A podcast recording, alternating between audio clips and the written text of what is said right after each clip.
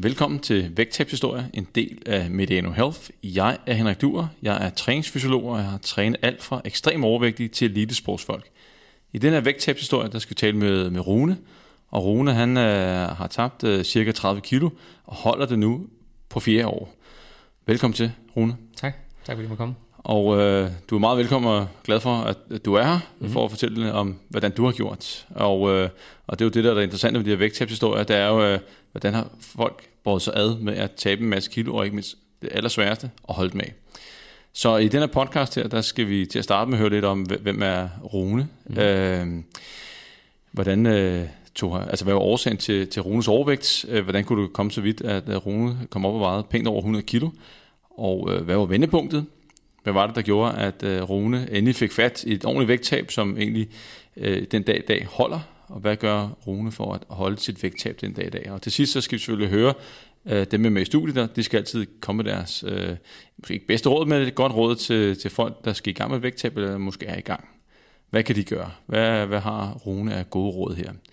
Men lad os øh, stille og roligt tage hul på det. Yes. Øh, Rune, øh, fortæl lidt om øh, dig selv.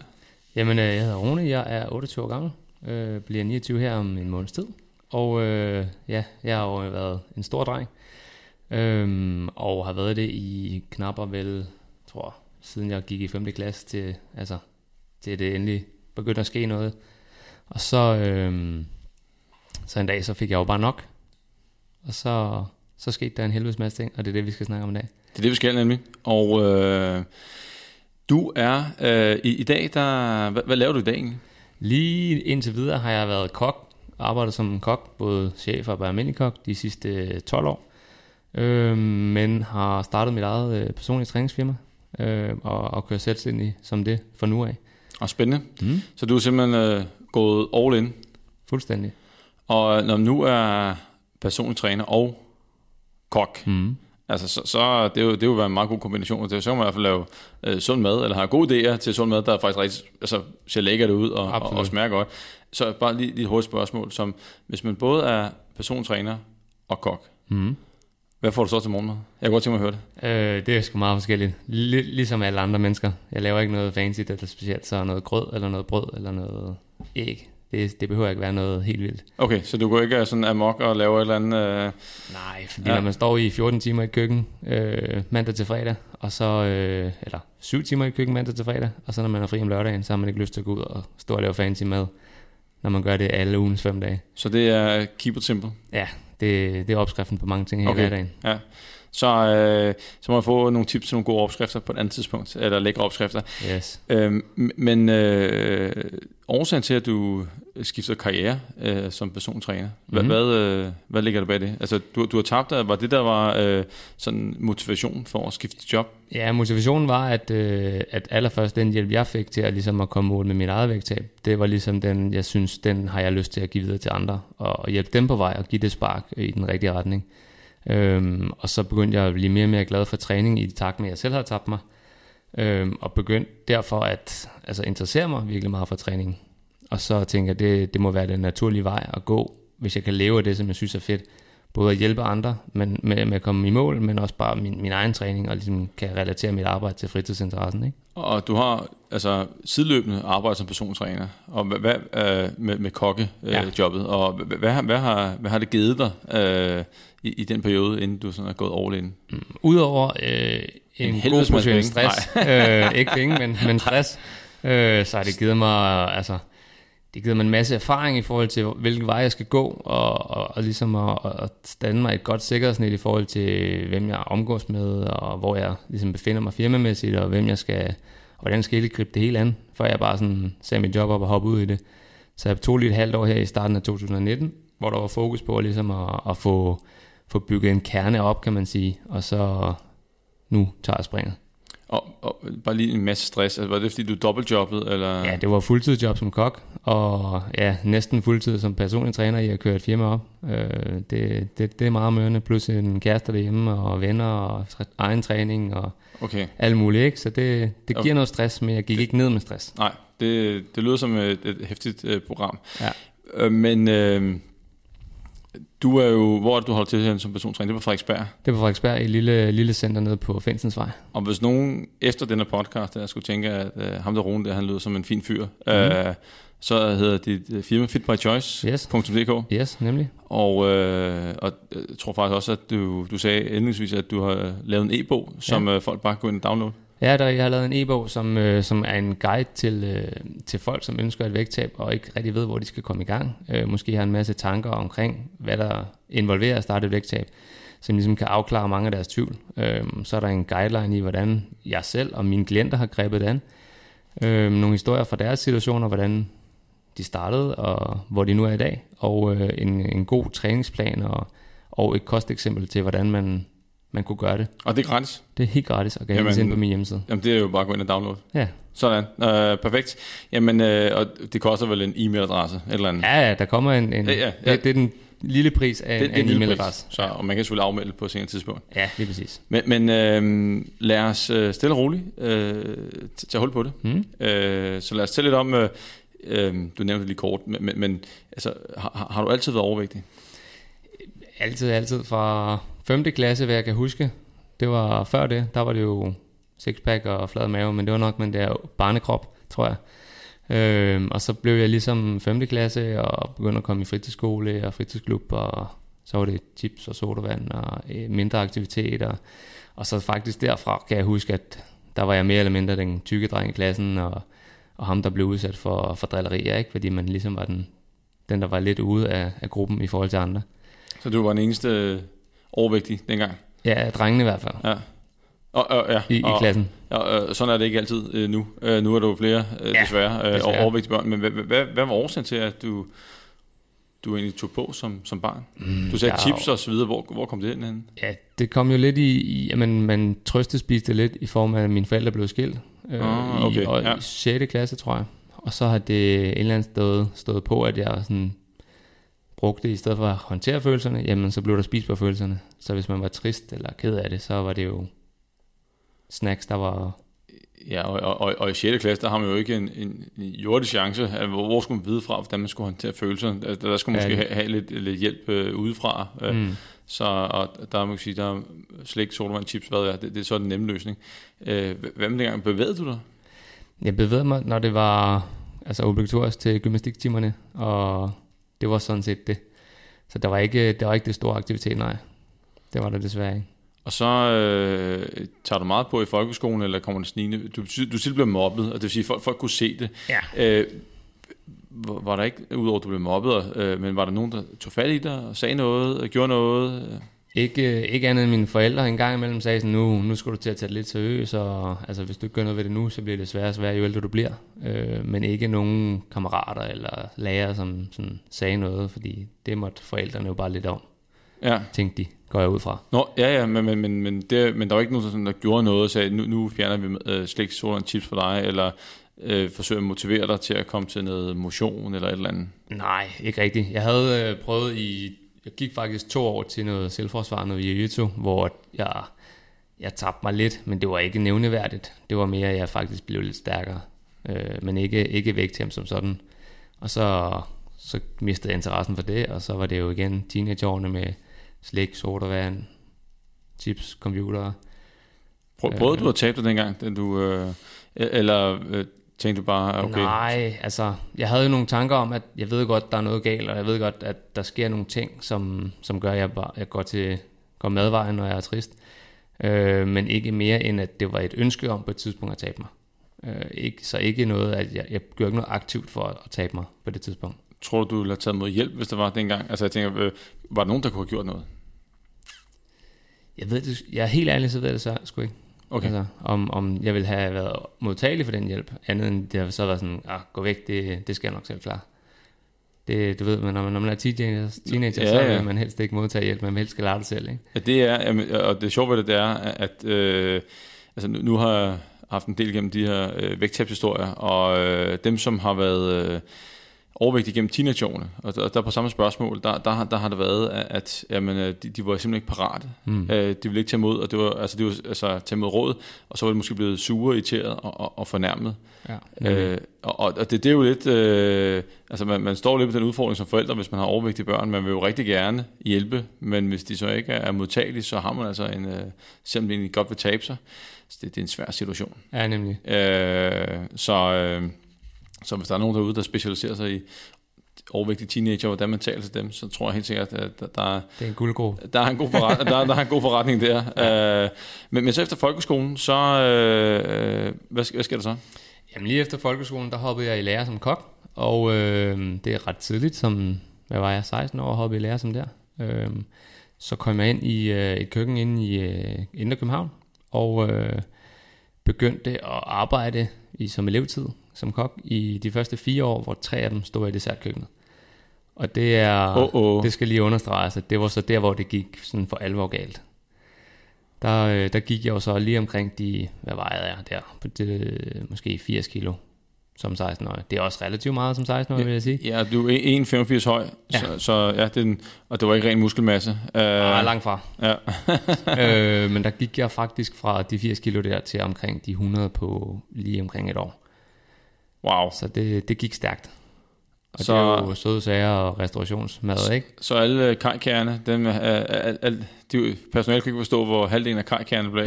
Lige præcis. Nu stod jeg i dessertkøkkenet, så jeg, jeg lavede jo bare nogle nye. Ja. Øh, og fri sodavand og mad til alibitum, ikke? Øh, Og, og, og jeg har altid været madglad og spist meget på følelserne. Og, så det var jo et, et, et mareridt, kan man sige, hvis, hvis man skal kigge det fra vægt, vægttabsperspektivet. Ja, men man kan sige, at det, det er jo øh, et, et, et godt eksempel på, øh, hvad skal vi sige, fedmefremmende omgivelser. Øh, Ikke Absolut. kalde det et, et samfund, men, du, du kommer ind og er der, altså som kokkeelev, så er man der mange timer om dagen. Du står med en masse søde sager i et mm. dessertkøkken. Øh, du har noget med at spise på følelser, men du har, har også en, en sød tand. Plus at man så er i et ret stresset miljø, som også gør, at man ikke har tid til at tænke på det sunde valg, når, når man så endelig skal have noget. Plus når man er stresset, det kan også få at dulme, øh, at man tager, tager noget sødt. Ja, lige præcis. Og det, det var, øh, så, så det var næsten, det, altså, Så det var jo en ond cirkel, som bare fandt, ikke? Ja, øh, man kan sige, der var du, øh, at du havde ingen chance, Nej, bogstaveligt talt. det var ned ad bakke fra starten. Ja, ja, og, og men, men cirka 20 kilo på et år. Øh, altså, var der ikke, altså i tilbage til det spørgsmål, var der ikke noget, sagde noget? Altså, der, der var du 16 år, du må begynde at reflektere over tingene, Ja. der var begynde at tænke over piger, kvinder, gå i byen og, og, og de ting, altså, der må spejlbilledet Jo, jo det, det var der jo også. Der var en masse tænker, tanker omkring, at, at nu kunne, det kunne være meget hyggeligt med en kæreste, og, men, men selvtiden, det var der jo ikke, for i takt med, at man tog kilo på, så dalede selvtilliden. Og, og For mit vedkommende i hvert fald. øhm, prøvede du ikke at, at, at, at tabe dem, eller gjorde du noget, eller... Der var, der var en gang efter, jeg havde, øh, faktisk første gang, jeg kom over de 100 kilo, der tænkte jeg, nu, nu, nu, nu gør jeg det et, et, et seriøst forsøg, men det var, det var ikke så meget den livsstilsændring, som vi alle sammen går ind for efterhånden. Men det var mere sådan, nu, nu skal jeg alt pasta fra, kulhydrater, hvidt brød, alt usundt og forarbejdet sukker og den slags ting. Så det var jo, det var en kur, som, som holdt i to-tre måneder, og så smed jeg 17 kilo på de tre måneder. Shit. Og det var også relativt hurtigt. Øh, Og det var, det var vildt nok. Altså, der, ja. Så er du næsten nede, hvor, hvor du kom fra. Ja, nemlig. Øh, men jeg fik jo ikke ændret nogen af mine rutiner, eller vaner, eller, eller miljøet for den sags skyld. Så lige snart jeg så stoppede med at holde fokus på det, så røg jeg 15 kilo af dem på igen. Så du stod stadig i dessertkøkkenet? Ja. Uden nogen redskaber til at håndtere det? Ja. Uh, du havde ikke, altså, og du har ikke ændret øh, livsstil? Men, men, men du har kommet ned bare, bare kortvarigt. Altså, du, du må være glad. Det var, jeg var helt op at køre over, at, at, at det er fedt at være hernede. Det var en fed følelse, at, at det gamle tøj, jeg start, havde, inden jeg startede lære, kunne jeg jo lige pludselig passe to år senere. Øh, altså bare sådan en lille ting. Ikke? Det var jo et helt vildt eksempel på, hvad, hvad et vægttab kan gøre for en. Men da jeg netop ikke fik forarbejdet vaner og fået værktøjer til, hvordan jeg kunne holde det efterfølgende, så, så røg det jo hele til jorden, lige snart jeg holdt op med at holde fokus på det. Men, men du vågner jo ikke op søndag morgen, og så har du taget alle 17 kilo på igen. Nej. De, de, er, jo, de er jo kommet snigende. Mm. Og prøvede du ikke at holde styr øh, på, på din kropsvægt, eller var du der ikke? Eller, hvad, hvad, hvad, altså, der må jo komme nogle signaler undervejs, nu strammer tøjet lidt, hov, øh, nu, nu øh, ser lidt, øh, Mm. lidt mere overvægtig ud, eller varede du der? Hvad, hvad, hvad, hvad, hvad gjorde du i den periode for at øh, forsøge at holde vægt ned? Ikke særlig meget, for jeg har, aldrig været, jeg har faktisk aldrig været særlig vægtfixeret i forhold til, hvad, hvad vægten, badevægten siger. Øh, mere med udseende og sådan noget, der har det jo altid været ret trykket i forhold til, hvad jeg har set, når man har været en, en ikke den verdens højeste knægt, men en, en af de større, ikke? Øhm, men det, det, det, der også gjorde det, at jeg 100% bare sådan lod det falde tilbage, det var, så blev man jo 18-19 år, og så var øl mere og mere interessant, og man var jo i en kokkebranche, hvor det er meget alkohol efter arbejde, og, og igen, når man har ikke har de værktøjer til at vide, jamen, hvorfor er det, jeg gør, som jeg gør, og hvorfor er det, jeg falder tilbage, jamen, så, så er det jo helt naturligt, at, at man falder tilbage til det her jojo-vægt med, at man gør en masse indsats, og man smider nogle kilo, og så ryger man lige tilbage i, hvor man startede. Ikke? Og hvad med på arbejdspladsen? Øh, var der nogen, der øh, blev mobbet? Var der nogen, der sagde noget på det tidspunkt? Altså, øh, øh nu ved jeg ikke, hvordan de, alle de andre så ud, men man kan godt forestille sig, at, at øh, kokkebranchen, øh, nu er jeg ikke selv kok, men, men øh, jeg fornemmer, at, at karton godt var det hård. Det var den også. Men det var ikke, det var ikke som man ser sådan Gordon Ramsay-stil hård. Overhovedet ikke. Den, den er lagt på hylden for længst for mange, mange, øh, mange steder i branchen. Men øh, altså, og der var ikke så mange af de andre, som var overvægtige. Øh, men det, jeg synes, der så det er underligt ved det, det er, at folk de roser kun ind, når man har tabt sig. De, de gør ikke ops på, at okay, nu går det altså forkert en vej. Så det er jo noget, man selv skal ligesom finde ud af, medmindre man har nogen, som støtter ind op i det hele. Øh, og det var også det, jeg fandt ud af, da jeg så endelig fandt nøglen til det, at, at når man så lige ramte et plateau, og det ikke gik, som det skulle, jamen så havde man jo nogle, nogle relationer eller eller andet, som støttede op og mente, at nu, nu står du måske stille, eller du har ikke tabt dig så meget, eller du faktisk begynder at tage lidt på igen. Så man får sådan en tilretter flad, hvis man skal kalde det det, ja, ja. Øh, som, som ligesom manglede den periode der. Så... Men, men, men det er også et, øh, altså, det er jo, altså det, det er noget af det sværeste, det er at, at tage fat i folk, der er overvægtige, mm-hmm. og sige, ved du hvad, øh, jeg synes, du vejer for meget, eller noget af den stil. Øh, altså, det, fordi det er jo den der private sfære, som bliver overskrevet, ja. og øh, folk kan blive fornærmet, og man er bange for, hvad, hvad der sker. Selv, selv på arbejdspladsen, ude på danske arbejdspladser, i, i, jamen, men, men hvordan skal man gribe det an? Mm. Altså man, man ved jo, alle ved jo, at sundhedsmæssigt er, er det ikke optimalt. Øh, men man griber jo ind over for, for rygning. Mm. Der er regler, man griber ind over for, for alkohol. Det er langt siden. Øh, først var der alkohol, så rygning. Og, og hvad bliver det næste? Er det inaktivitet? Er det de overvægtige? Mm. Og skal man bare lade Altså er man en god kollega, er man en god ansvarsfuld virksomhed, øh, familiemedlem, hvad det nu måtte være, hvis man har en i sit øh, nære netværk, øh, hvor du så end måtte være, som tager på, mm. og tager på, og tager på, alle kan se det. Ja, på et eller andet tidspunkt, så, så bør man da som en god ven, øh, det ved alle, øh, til at tage fat, men, men det er bare svært. Ja, for det er jo mere, altså jeg tror mere, det er den, som går til den overvægtige person, som har den tanke og frygt om, sådan, hvordan bliver det modtaget, og Altså, det, det er jo en, det er, det er en, det er en balancegang om... Hvordan, hvordan vil du have, have modtaget det dengang, tror du? Hvis, hvis, der, hvis du på arbejdspladsen, der mester kom hen øh, og sagde, ved du hvad, Rune, du øh, har spist for mange kajkager. Altså, dengang, da jeg ikke selv havde startet på vægttabet, der har jeg nok været sådan lidt fornærmet måske, eller du ved, teenager sur øh, over, at du skal fandme ikke fortælle mig, hvordan jeg skal gøre. Og, og det understreger meget godt pointen. Ja. Hvis, øh, hvis du ikke var helt klar Ja, så er det sådan, lad mig være i fred, og lad mig passe mit, så passer du dit. Øh, men når man ligesom, øh, når man et eller andet sted finder en lille smule form for motivation selv, øh, og man så ligesom falder fra den igen, så, så er der rigtig mange, som, som faktisk synes, det er fedt, hvis der er nogen, som kommer hen og siger, du skal lige tage dig sammen, eller du er ved at på vej ud over et skråplan igen. Fordi så ved personerne, at, at det er fordi, der har været et, et mål med det før, før i tiden. Øhm, så, så jeg tror mere, at, øh, at dengang, da jeg var overvægtig og ikke havde forsøgt på det, så havde jeg nok været sådan, fis af. Men øh, havde de sagt til mig anden gang, efter jeg havde forsøgt at tabe mig første gang der, jamen så, så tror jeg faktisk, at jeg havde lyttet og tænkt, okay, nu bliver jeg nok lige nødt til at rette ind igen. Og, og hvad med i dag? Nu er du personlig træner øh, og øh, tidligere overvægtig. Vil du selv, eller tør du selv at tage fat? Hvad, hvad tænker du, når du ser hvis du har en øh, i omgangskredsen nogle andre, øh, som, som, som betyder noget for dig. Mm. Vil, vil, vil du turde det? Eller, ja, altså, ja, det vil jeg, jeg godt. Personen selv, så uha, altså, fordi det, det, er så, det er så privat, det der. Mm. Øh, øh, det er lidt ligesom at blande sig i, i folks øh, opdragelsen af deres børn. Det, det, ja. det, det er jo, øh, altså man kan blive slået ihjel. Øh, ja, det er jo det er spring, spring, jamen, det, det, det er jo sprængfarligt øh, om, område. Men, men vil, tror du, vil turde det? Ja, jeg har også gjort det til en del inde på, på mit arbejde. Øh, netop fordi, at, at, og det kommer an mod tilgangsmetoden, hvordan man gør det. Hvis man godt siger, du er tyk, du skal tabe dig, så bliver man nok lidt sådan, røret hus, ikke? Men hvis man indleder en fin snak, sådan, hvordan øh, men der er motion og altså kosten, og altså, stille og roligt leder det over til, om, om man skal hjælpe personen, eller om, og fiske efter, om personen faktisk siger, jeg har faktisk brug for noget hjælp. Og så kan man jo hoppe ind og være klar til at hjælpe. Det vigtigste, som jeg ser, det er jo så i den situation, at hvis man tilbyder hjælpen, og de tager imod den, så skal man satme også levere. Det er klart. Altså man skal følge op og holde dem ja.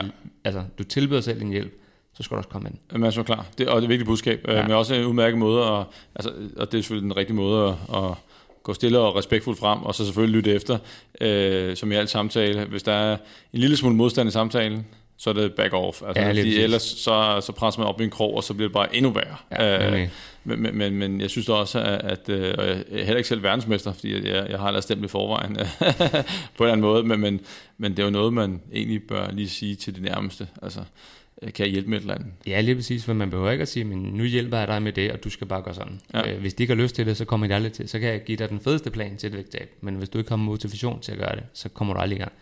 Så de skal et eller andet sted øh, grave noget motivation frem i personen, eller, eller skal de selv kunne mærke, at der er noget motivation til dem, men de ved ikke, hvor fanden de skal starte. Og det er et rigtig godt udgangspunkt til ligesom at få, få folk i gang. Hvis, de, hvis man kan mærke, at de gerne vil, men ikke ved, hvor de skal starte. Præcis. Så, så kan man jo give dem redskaberne til at komme i gang. Ja, og, og, og hvis man ikke har, lige har den forstand, så måske give støtten ja, lige og, og bakke op, og det kan man gøre på, på, på mange måder. Oh, yes. øh, og det er nok noget af det vigtigste. Ja. Hvis vi kunne komme lidt videre. Øh, du taber de 17 kilo, og så øh, tog du en del på igen. Mm. Øh, og, og, og hvad sker der så i dit liv? Øh, er, er det... Øh, det er jo så to år inde i min elevtid, hvor, som var fire år, øh, at jeg så havde smidt nogle kilo og taget dem på igen. Øh, og det er jo mere alkohol og fester og byture, der, der bliver sjovt. Så der begynder jeg jo igen at, at komme op omkring de 100 kilo. Øh, og så... Øh, så skete det, at jeg fik en kæreste i slutningen af min elevtid. Og der tænkte jeg, nu skal der ske noget. Øh, det gjorde der ikke. øh, for det var så bare det der med... hvorfor, hvad, hvad, hvorfor skete der ikke noget? Nå, nu, altså, jeg, jeg troede, nu skete der sgu noget. Ja, men, men, det øh, gjorde der bare ikke. Fordi hun, hvorfor? Det var stadig alkohol og hyggeture, byture og venner, og, og så blev man jo kærestebekvemmelig, så man hyggede derhjemme, og og nede i døgnkiosken og have en post om aftenen, og du ved, alle de der sådan hygge hyggeseancer. Og kæresten var med på de hyggeseancer? Yes, og det gik heller ikke den rigtige vej for hende heller dengang. Og hvad skete så? Øh, slog du op med kæresten? Eller ja, det gjorde jeg faktisk på et senere tidspunkt. Ja. Øh, men jeg begyndte så, efter jeg var færdigudlært, så begyndte jeg at træne lidt og komme forskellige jobs igennem. Og der er så en eller anden dag, jeg, jeg kan ikke huske, hvad dag det var, men så vågnede jeg bare, og så sad jeg ved siden af hende og tænkte, det kan fandme ikke passe, at jeg skal have større bryster end hende. Jeg er en gut, og hun er en kvinde, og jeg sidder her med større kasser end hende, og det skal ikke være sandt. Og det var lidt det, som gjorde, at gav mig en øjenåbner, som siger, nu, nu bliver du sag til noget, man er nødt til at tage dig sammen. Og, og det var vendepunktet for dig? Ja, det var det. Jeg har hørt mange, øh, hvad skal jeg sige, øh, ting, der, der, der kan motivere, men det, det, det, det er den første. Ja, uh, det har jeg også hørt før. den er lidt sjov. Men, men, øh, og, og der er også rigtig mange, der men det kan sige, de kan præcis huske dagen. Mm. Uh, de stod på vægten, så havde han sagt 100... 7,5 øh, et eller andet. Mm. Øh, så, så, men men øh, jeg noterede mig, vi, vi talte jo sammen inden den her podcast her, jeg noterede, at det var sådan øh, omkring 2012. Ja. Og så, øh, men du havde jo sagt før, ved den tidligere kæreste, nu skal der ske noget. Mm. Og det gjorde du så den her gang her igen. Men hvad, hvad var så anderledes? Det, det, det blev jo dit vendepunkt. Hvad, hvad var anderledes her? Det var, at, at, var at, det var, at jeg fandt motivationen til, at jeg sagde, nu er det nok, nu nok nok, øh, og nu måtte jeg gøre noget ved det. Øh, for jeg vidste jo, at jeg havde gjort noget ved det før, men jeg vidste også godt, at den måde vækkede kun midlertidigt. Så, så jeg begyndte at undersøge lidt med, hvilke træningsformer, og hvordan, altså, som var effektivst, og hvad der kostmæssigt var den, hvad skal man sige, den sunde vej at tiltage det. Hvor jeg gik ind, opdagede det der med en livsstilsændring, og begyndte at tænke på vanerne, og bygge en dagligdag op omkring det hele. Øhm, så jeg begyndte at spænde to gange om ugen, og prøvede lidt med løb, men det kunne min krop jo slet ikke klare, så ingen skader, men ømme muskler i fem dage på en 2 km løbetur. Sådan. Øh, og det gider man ikke. Nej. Og jeg skal høre, hvor, hvor øh, hvor fik du din information fra? Altså det er fordi, at, at det, øh, nettet kan jo være Altså, der, der er mange ting. Altså, du, du ja. kan jo få øh, keto-kaffe, du kan få øh, ting, der sætter sig på maven og sætter strøm til dig. Du, mm. Der er jo alle mulige råd derude, og alt sammen kan lyde ganske fornuftigt. Øh, og hvad, hvad, hvad gik du op i? Der, eller hvad? Altså... Dengang var det bare, at jeg skulle minimum dyrke en times hård motion tre gange om ugen. Øh, om det så var en, en styrketræningssession eller spændingshold, og som oftest var det spændingshold, fordi det, det kunne jeg mærke, det var det, der motiverede mig til at komme afsted, at der var et, et fyldt hold, som, som man var sammen om noget, så jeg ikke skulle træ, trække mig op i centret og gøre det alene. For altså erfaring med, med, med øvelser og sådan noget, der var jeg slet ikke langt nok til at kunne gå op og træne en time selv, eller presse mig selv under den time. Øh, så det var ofte spænding, tre gange om ugen, tre-fire gange om ugen. Og så, men, men det er også en, jeg sige, en, en vigtig pointe, at, at øh, du rent faktisk kunne lide det. Ja.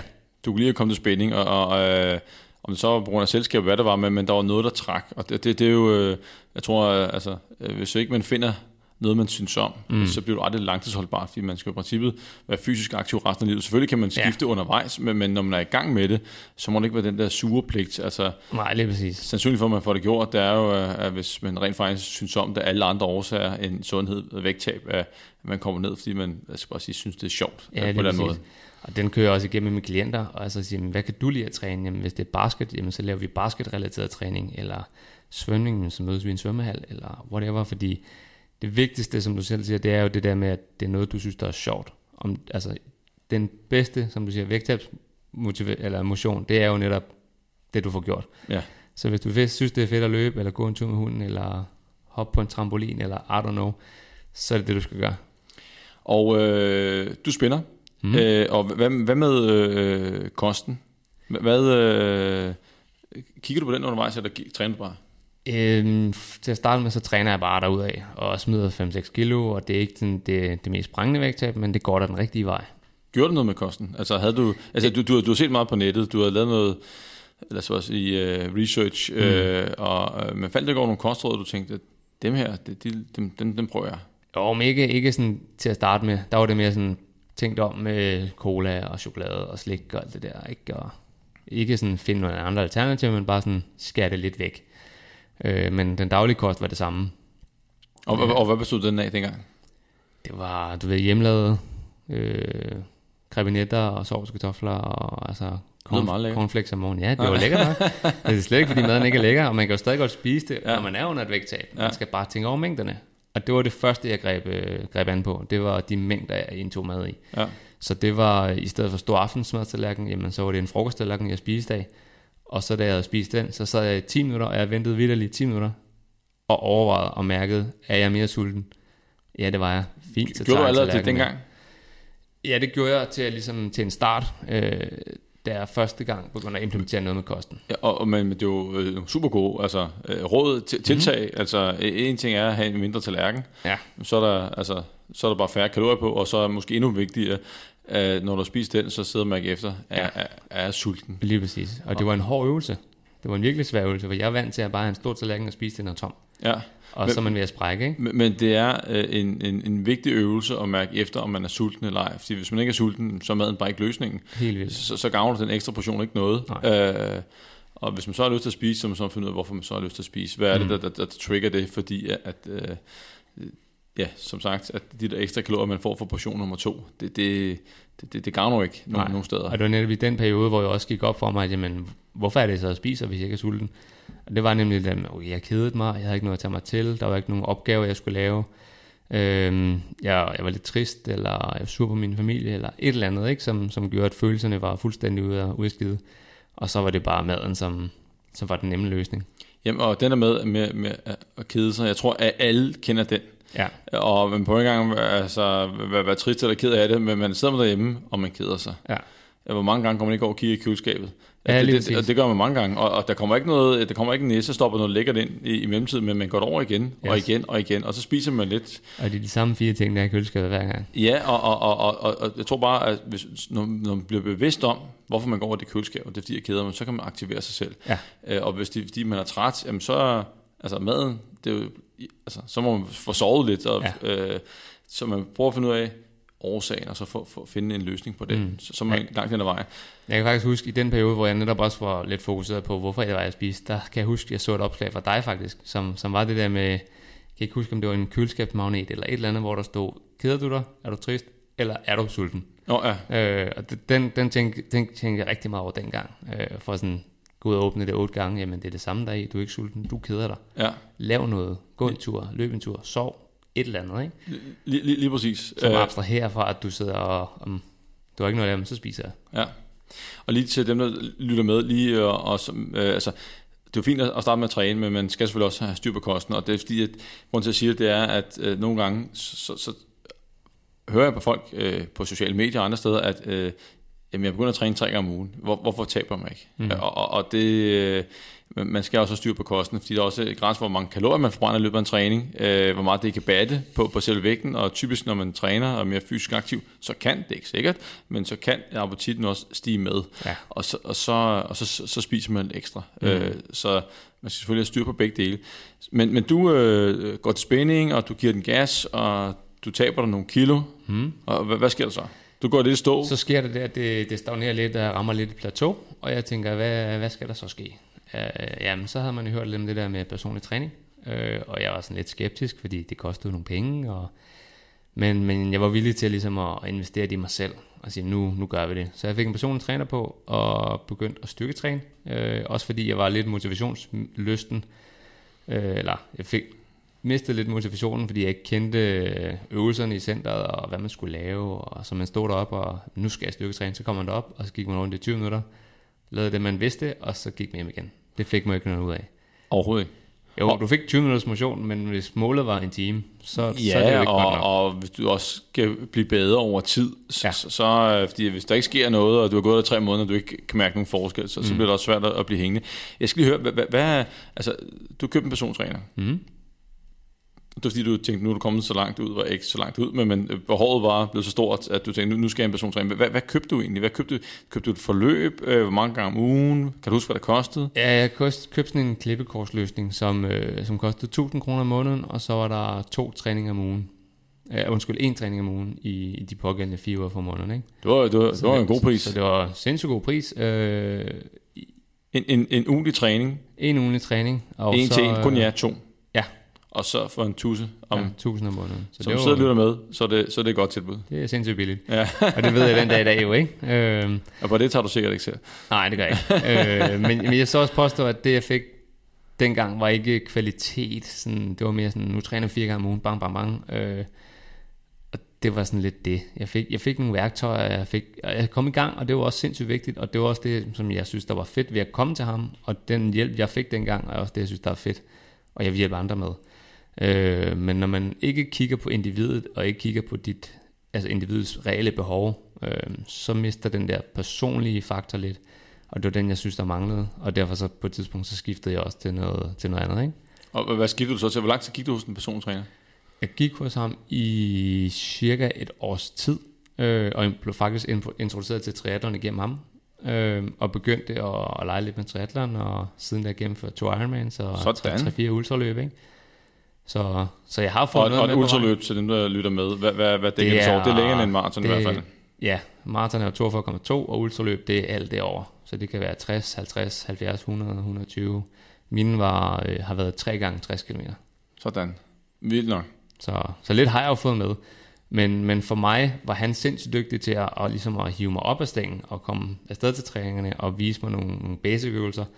Men når det begyndte at være triathlon-specifik træning, jamen så, så manglede en masse struktur for ham. Øh, det var bare et Excel-ark copy-paste med, hvor mange timer jeg skulle gøre det i. Ikke sådan specifikt med, hvilke zoner og hvilke hastigheder og den slags ting. Og det manglede, så der gik jeg faktisk over til noget øh, online coaching, hvor jeg fik nogle øh, programmer fra nettet, som specificerede min træning op mod min første Ironman. Og jeg skal lige høre, i, i, i den periode der, hvor du... Øh træne, inden du gik i gang med din, din, din Ironman og alle de ting der. Hvad, øh, kom vægten yderligere ned? Du kommer selvfølgelig i bedre form, men, men kom vægten længere ned der? Ja, den, jeg, ramte, jeg ramte mit uh, 30 kilo mærke på de der 77,5 inden øh, at jeg begyndte at lege med tanker om øh, triathlon og sådan noget. Okay, og, og hvad, altså, havde du gjort, altså en ting er, at du selvfølgelig trænet, øh, men havde du gjort noget anderledes med kosten? Hvad, hvad, hvad var det? Fordi det var alligevel altså 30 kilo. Det, det, var, det var her, du... Altså, det er det maksimale vægttab. Ja. Så, så hvad, hvad... Kosten, der blev jeg faktisk bare ved det, som jeg gjorde der. Øh, ikke sådan med specielle retter, eller makrotælling, eller kalorietracking overhovedet. Så det var bare sådan mindre ting over, hvilke mængder jeg spiste, og hvor ofte jeg spiste, og mærke efter konstant, om det var sult eller kedsomhed. Øh, og ellers var det bare træningen, som netop er begyndt at introducere styrketræning til min egen træning, som gjorde, at jeg ligesom fik nogle muskler, som forbrændt endnu mere.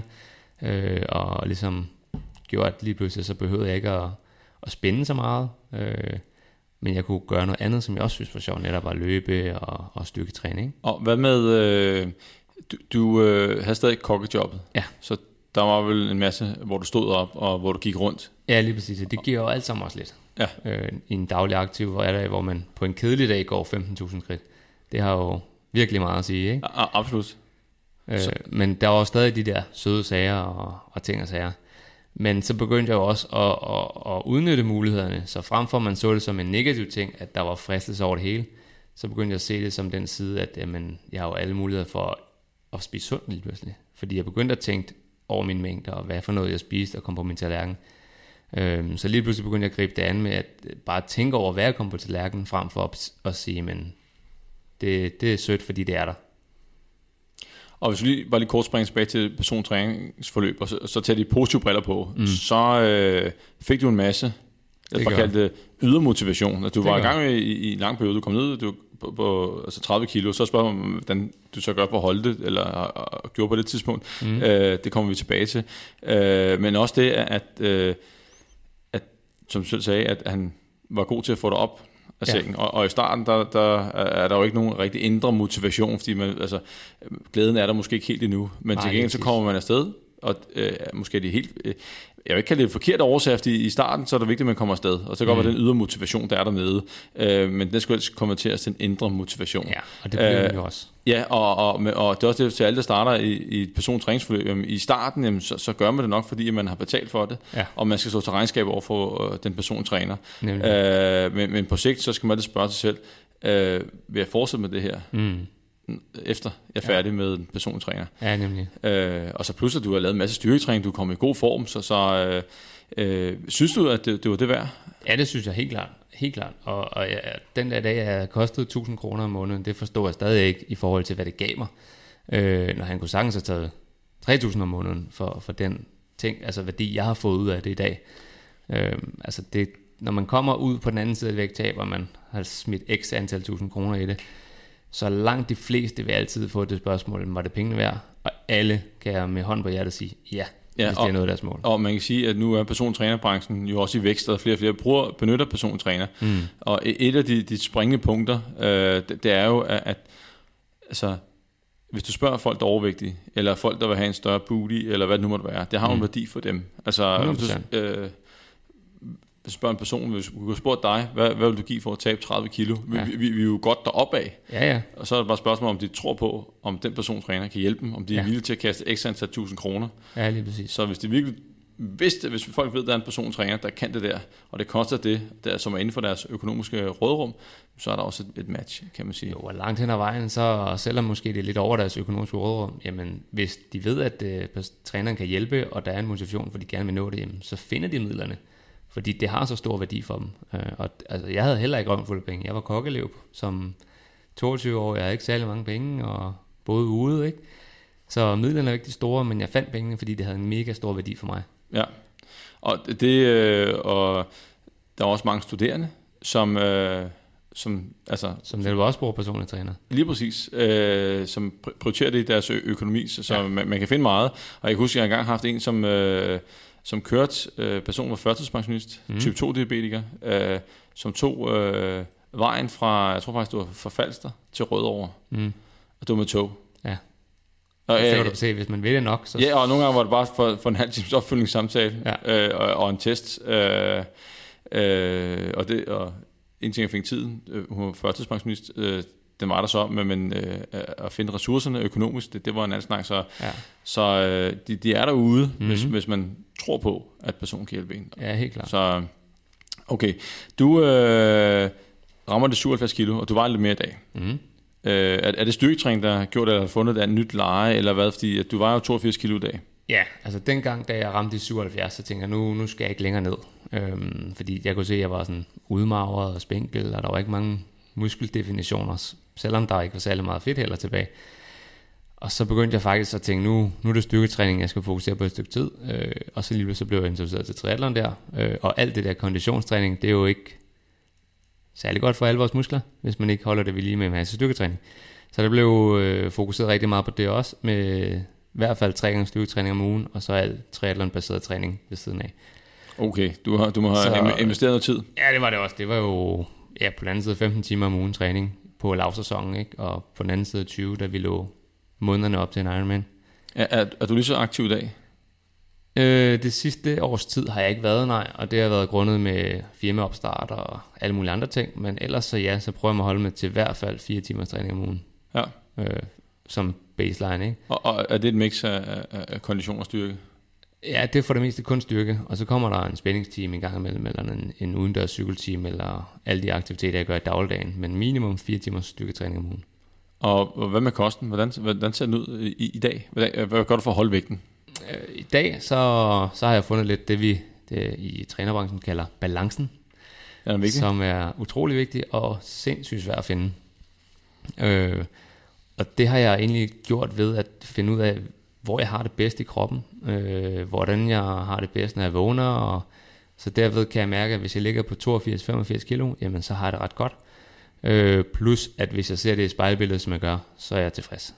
Så, så er jeg ligeglad om vægten siger 88 eller 100 for den sags skyld, hvis jeg synes, det jeg ser i vægten eller i spejlet er tilfredsstillende.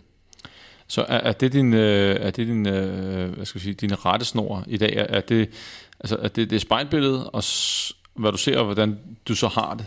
Ja, det er det helt klart. Hver eneste morgen, så bliver jeg kigget i spejlet, og, og ligesom at se, om sådan, er der noget, jeg synes, der skal ændres, og hvis der er det, så ligger jeg en plan for, at det kan blive ændret. Øh, for det ved jeg godt, det tager noget tid, og det er ikke noget, som det, det er ikke værd at stå og slå sig selv oven i hovedet på, at nu er jeg blevet, blevet tyk på siden igen, og, fordi det, det skaber bare negative følelser, og altså den slags, og så ved man godt, hvor det ender henne. Og for mig, der er det overspisning. Så, så det er også, fordi jeg er bevidst omkring de ting, jeg har været igennem, ikke? Ja, øh, og, øh, og tilbage til bevidstheden, at det er jo, det er jo øh, den, som, hvad skal vi sige, hvor det er vores hjerne, mm. som styrer vores hænder og hvad der kommer i munden, og om vi egentlig også tager nogle skridt og, og går ned i fitness, eller hvad vi nu gør. Så den skal man selvfølgelig, den, den vigtigste muskel, man skal træne. Det er, ja, den, det er den på øverste etage. Undervejs i, i dit forløb, hvad, hvad var øh, så, så dine største forhindringer? Mm. Jeg tror, øh, de største forhindringer var faktisk lidt det der med at få, ja, få hovedet med. Fordi vægttabet på, på 30 kilo tog mig et år, øh, hvilket er forholdsvis hurtigt for rigtig mange mennesker. Det er et pænt tempo. Øh, ja. og, øh, og det, som jeg så fandt ud af, det er jo bagsiden af medaljen, er jo så, at der er også et mindset og et hoved og nogle vaner, der skal ændres. Og det havde jeg jo slet ikke fokus på i det år. Det var bare ren fokus på træning, kost, motion, øh, få vægten ned for alt i verden. Øh, så alt hvad der hed vaner og omlægninger og ny struktur og altså at få, at få bearbejdet min nye personlighed, som jeg nu var blevet, den, den var fuldstændig negligeret. Og man kan sige, at øh, det, lyder, det lyder måske mærkeligt, men at du har tabt 30 kilo på et år med, med en personlig træner, men reelt set havde du gjort det på en forkert måde. Ja, og netop det og, der med... At... Og, og, og, og det der med øh, hold vægttabet, hvordan, altså Ja. Hvordan pokker skulle det ske? En ting er at tabe, noget andet er at holde vægttabet. Det, det er den der berømte anden halvleg, mm. og folk spiller kun første halvleg. Og det er den allersværste del. Ja, så hvad, hvad, hvad, hvad, hvad skete der så? Det var super spændende. Øh, du, du kom der og har tabt 30 kilo, og alt øh, tyder på, at du skulle tage det helt på igen. Mm. Men der var et, du nævnte telefonen, et, øh, har skrevet ned her, et kæmpe efterspil. Ja. Kan du, kan du uddybe det?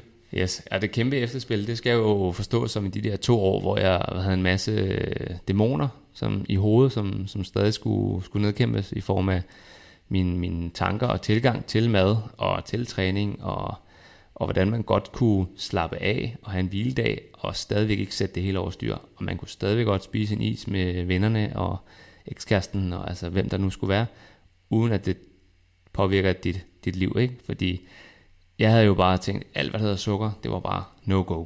Øh, kun når det var træningsmæssige årsager med hensyn til elektrolytter og energi under mine hårde træninger. Mm, så alt det der med vaner og finde den, den vej, jeg nu skulle gå, efter jeg havde øh, tabt 30 kilo, det var det, som var det kæmpe efterspil. Jeg skulle lave en struktur, så jeg ikke faldt i igen. Og det var sådan et sikkerhedsnet, og det var det, der var det svære at, at skabe op, ikke? Og, og hvordan griber du så ind? Fordi, og, og man kan sige, at øh, to år er, er, er jo lang tid. Mm.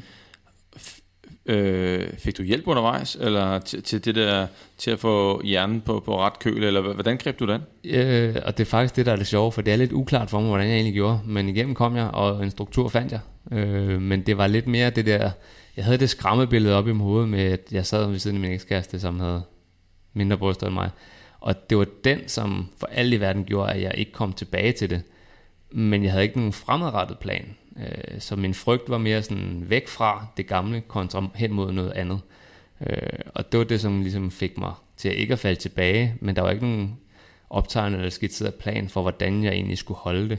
Så det kom sådan lidt på mor at få, hvordan jeg nu, jamen det her virkede for mig, og så, så lænte jeg mig op af det, indtil jeg fandt noget andet, som også virkede. Og så stille og roligt begyndte man jo at stykke en hverdag sammen, ud af de ting, jeg havde erfaret, som virkede for mig, øh, som jeg kunne læne mig op i. Og når du så kigger tilbage, hvad, og så prøver at nævne øh, en, to, tre ting måske, som du tænker, det har været en, en game changer for mig, altså øh, op på øverste etage. Øh, første store game changer, det var det der med at finde nogle, nogle solide træningsbodies, som man kunne, kunne læne sig op af, øh, og både ikke bare træne med, men også spare med, sådan ren mental, snak med dem, øh, kalde det en psykolog, øh, men uden at betale penge for dem, fordi de, de, de er dine venner, ikke? Øh, og ligesom at kunne, kunne få, ligesom få åbnet hjertet, for det er også noget af det, som, som jeg ved er svært for mange under sådan en rejse der. De har mange dæmoner, de kæmper med, og det kan være utrolig svært at åbne op for andre mennesker. Øh, men så start, i hvert fald hos mig og mine klienter, at øh, man snakker om alt muligt skrammel, når man er til de træninger, fordi de føler sig sikre. De føler, at man kan, man kan åbne sig til folk. Ikke? Og det den, den følte jeg lidt, jeg manglede dengang. Øh, og det brugte jeg så mine venner til, øh, for ligesom at komme, komme ud med de tanker, jeg havde. Og det flygtede ikke, dine venner? Det flygtede ikke? Der var mange, der startede på processen, som, øh, som ligesom blev afskåret, øh, fordi de slet ikke fulgte i det nye livsstil, jeg gerne ville have. Plus at øh, nogen synes, jeg var totalt idiot. Øh, men dem, som blev, det er så dem, som, som er der de, den dag i dag. De er rigtige venner. Ja, lige præcis. Så der blev ruttet op i det hele, både øverste etage og venskaber og alt.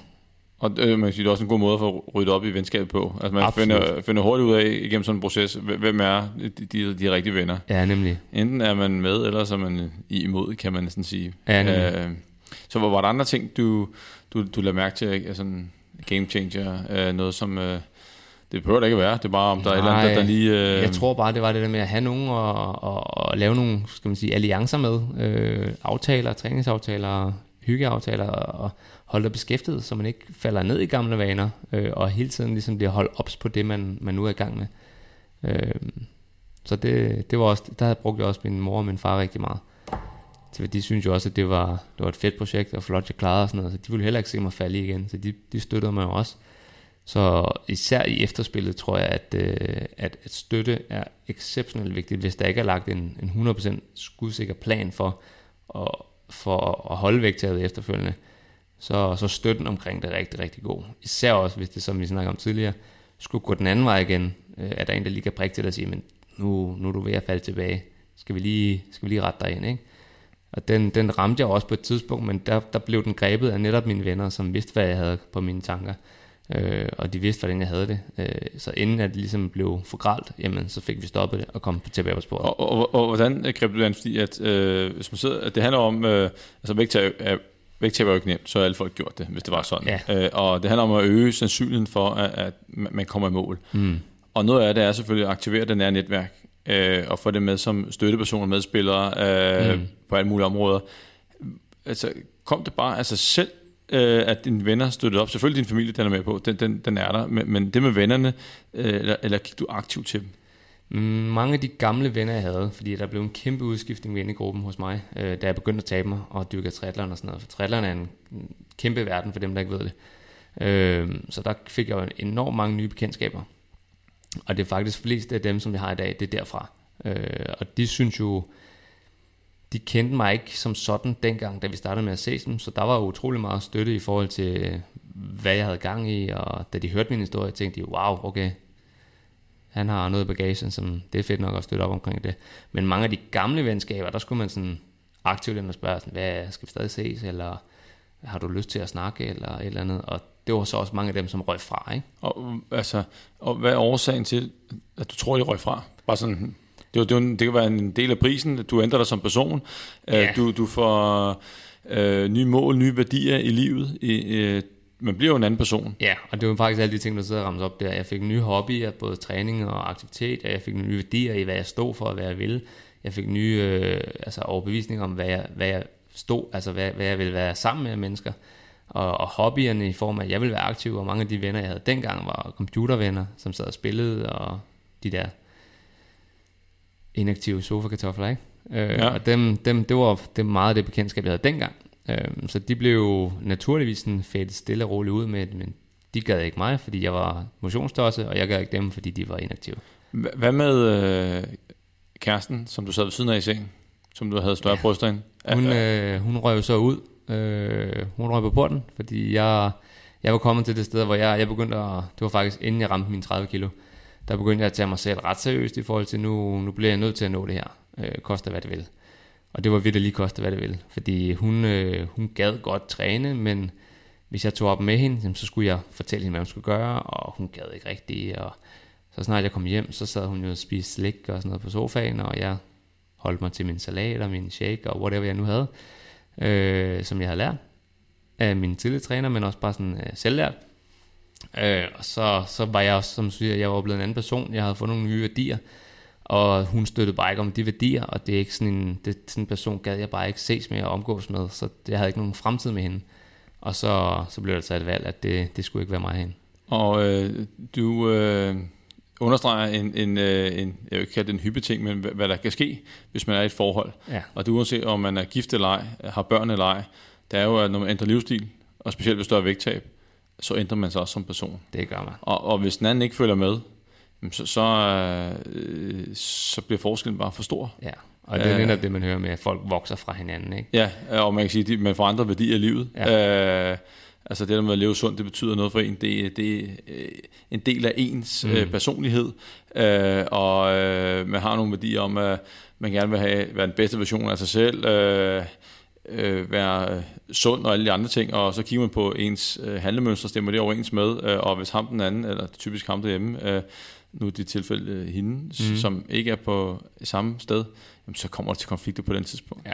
Så, så det, det, øh, det er også derfor, at man, man, bør, kunne, kunne du ikke bare lige, altså man vil selvfølgelig tage det øh, op foran øh, og sige, øh, hvis man ved, hvad der kommer til at ske. Det er jo ikke altid, man ved det. Ah, nej. Men, men, men ville du have gjort noget anderledes med kæresten dengang, hvis du lige kiggede tilbage?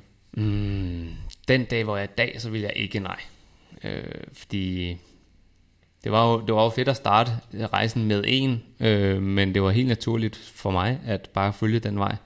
Øh, men for hende, der var der bare nogle andre værdier, som var vigtigere end at, end at forændre den livsstil. Og så, jamen, så er det jo for mig, var det en helt naturlig vej at sige, men så skal vi bare ikke fortsætte. Det, det var ret naturligt. Og sådan kan det gå, men det er ja. nogle gange... Øh... Men jeg har fået det meget bedre af det. Jo, jo, øh... men, men det var også øh, no, nogle af de valg, som man blev nødt til at træffe, ja. øh, fordi at, at det, det var nok også gået galt på, på et senere tidspunkt, hvis man stadig er forskellig. Er, er man sådan rette? Og det er ikke fordi, at den anden er forkert på nogen Nej. måde, men man, man er bare ikke et, et, et, et match længere. Nej, lige præcis. Øh, hvis du skal prøve at, at se fremad om, det er altid svært, om to-tre år, måske længere ud i fremtiden, hvad, hvad laver hvad laver Rune så? Jamen Rune han øh, kører derud i hans øh, personlige trænerfirma og har en fuld booket dagligdag med masse events og tip-top seje klienter, som bare kæmper videre. Og så øh, din livsstil. ja. Øh, og hvordan, hvordan lever du dit, øh, dit, dit liv, tror du, med kost og motion og så videre? Jamen, jeg, jeg, jeg går meget ind for det der, som man også hører alle sige, practice what you preach. Altså det, som jeg har været igennem, det er det, som jeg fortæller videre til mine klienter. Så, så hvis jeg begynder at blive smaller, fed og tyk igen, øh, så det er ikke et særligt fedt øh, forbillede for folk, der gerne vil tabe sig, hvis jamen, din træner er tyk. Mindre han gør det for at vise, at han kan gøre det igen, kan man sige. Nå, ja. øh, men det er sådan en meget stor proces, ikke? Øh, men jeg, jeg går meget ind for, at, at det, som jeg har været igennem, det er det, jeg giver videre til mine klienter. Øh, så jeg lever stadig et, et, et aktivt liv, og det vil jeg aldrig nogensinde give afkald på. Og øh, hvis du er nu ved at være vejs ende i denne mm. podcast her, og øh, og det vi altid slutter af med, det er jo et, et, et godt råd. Mm. øh, for dig. Ja. Øh, så så øh, det kan også være, at du har to eller tre gode råd, men, men, men har, har, har du tænkt over noget? Jeg ved, ja, ja, jeg fik opgaven her, da vi talte sammen forleden dag. Ja. Øh, lad mig høre. Jamen, første opgave er jo, at, øh, eller gode råd, det er jo at øh, overveje, hvor længe du har været i gang øh, med at, øh, med at tage, tage din kilo på, øh, og, og estimere, at det ikke kommer til at tage to måneder at, at nå i mål. Øh, så, så tag det med ro. Øh, stol på processen. Øh, for langt de fleste, jeg oplever, de sådan, ja, det, det de skulle helst gerne være i går, de nåede mål. Så at der bliver man simpelthen nødt til at fortælle dem, du er ikke blevet overvægtig på tre måneder, så du smider heller ikke dine 25 kilo på tre måneder. Øh, så, så det er det. Tag, tag det med ro og stol på processen. Øh, og så øh, støt, støtte øh, motivation, yder motivation. Sørg for, at du har nogen, du kan læne dig op af, når det bliver svært, som kan hive dig afsted. En kæreste, en ven, en træningsven, en kollega. Skab en masse relationer, som kan støtte op om dit projekt. Det, er, det, det har været for mig været det allervigtigste. Fordi når, når man rammer de trælse og kedelige dage, for de kommer, og det gør det for alle, som har noget med vægt at gøre. Også folk, som ikke har noget med vægt at gøre. Ja, det er det også. Der er ikke solskinsdage øh, alle 365 dage om året, Nej, desværre. lige præcis. Så hvis man kan finde nogen, man kan støtte sig op af, som siger, "Åh, nu, nu regner det, nu tager vi fandme afsted alligevel. Øh, og så lige pludselig en dag, så, så finder man bare den motivation selv. Og så, så kan man have fokus på andre steder, end, øh, end at skabe relationer og have den støtte der. Men i starten er det ultra vigtigt at have nogle gode relationer, som kan hjælpe dig på vej. Et godt råd. Og så må man ud og tage fat i netværket og, Ja. og se, øh, hvor har vi de rigtige venner henne. Hvem, kan støtte op? Det behøver ikke at være, at de skal med ned i, træningscenteret, men man kan støtte op på alle mulige andre områder. Moral, præcis. support, øh, støtte, og når man er sammen, så behøver man ikke at kaste chipsene på bordet og alt muligt andet, men spørge ind og diskutere, øh, hvordan man, man har det. Ja, det Øh, er. Så både fysisk, men også mentalt opbakning. Det er, Ja, det man er behøver vigtigt. som sagt ikke løbe maraton ved siden af og spise Nej. broccoli sammen. Det behøver man ikke. Nej. Øh, det var en god råd, øh, og øh, jeg vil lige prøve at summere op mm. på, på din historie, og så øh, øh, må du selvfølgelig lige, lige øh, Grib ind. ja, gribe ind, øh, komme et eller andet, hvis der er, øh, jeg, der er noget, du vil tilføje, eller du tænker, det, det, det nej, nej, det, det, det, der har du misforstået et eller andet. Mm. Men, men øh, hvis jeg, jeg, jeg synes, at der er et, et, et nøgleord her, som øh, alle bør øh, bide, bide mærke i, og det, det, det er bevidstheden. Øh, og, og, og, øh, og specielt, øh, at man kan sige, det andet råd, det er jo, at, at du, tabte af lidt af de forkerte årsager til at starte med. Ja. Øh, specielt under dit betonede træningsforløb. Og det gjorde, at der, der kom det efterspil. Ja. Øh, og det vil sige, øh, øh, skal sige, læring nummer et, blandt, eller et af de læring, ting, vi kan lære herfra, det er jo, at, at man skal passe på med at tabe sig af de forkerte årsager, men det er vigtigt, at man får grebet det rigtigt an, man får tænkt på vanerne og, og sig selv med i, i, i processen. Ja, og så heller et vægttab, som tager måske øh, 7, 8, 9 måneder, frem for et, der tager 3 måneder, og der er et kæmpe efterspil. Ja, og, og, og det er også øh, det, som du sagde, det med, med, med tålmodigheden, ja. at det, det tager tid. Og, og, og det er jo en proces, og det er ligesom... Øh, altså man bliver jo ikke, øh, heller ikke Ronaldo, bare fordi man har været til en fodboldtræning. Nej. Altså man, man skal jo træne, træne, prøve og tålmodighed. Det, det tager et stykke tid, inden man rammer rigtigt med, med, med, med, livsstilen.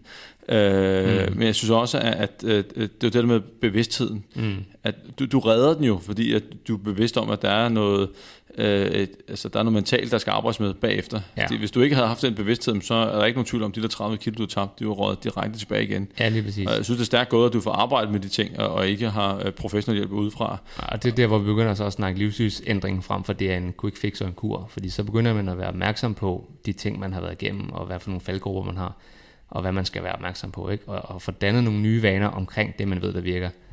Og det er det, som jeg også selv går meget ind for med, med mine klienter, at jamen, jeg kan give dem en plan herfra, men hvis de ikke synes, den passer ind i hverdagen, så er det ikke det, der fungerer for dem.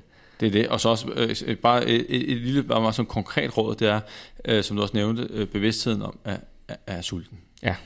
Så er det tage en lille portion, så sidde og vente et stykke tid, og, og så, øh, okay, jeg er ikke sulten, okay, så, så skal jeg nok ikke have mere at spise. Ja. Ja. Når jeg går i køleskabet, hvem- er det fordi, jeg keder mig? Hvad, hvad, hvad er årsagen til, at jeg gerne vil spise, når jeg ikke er sulten? Mm. Øh, nogle rigtig gode råd. Så jeg vil sige øh, tusind tak for din historie, din mm. gode råd, tak. øh, og fordi du kigger forbi. Og til alle jer, der lytter med, øh, tak for denne gang. Vi høres ved. Hej.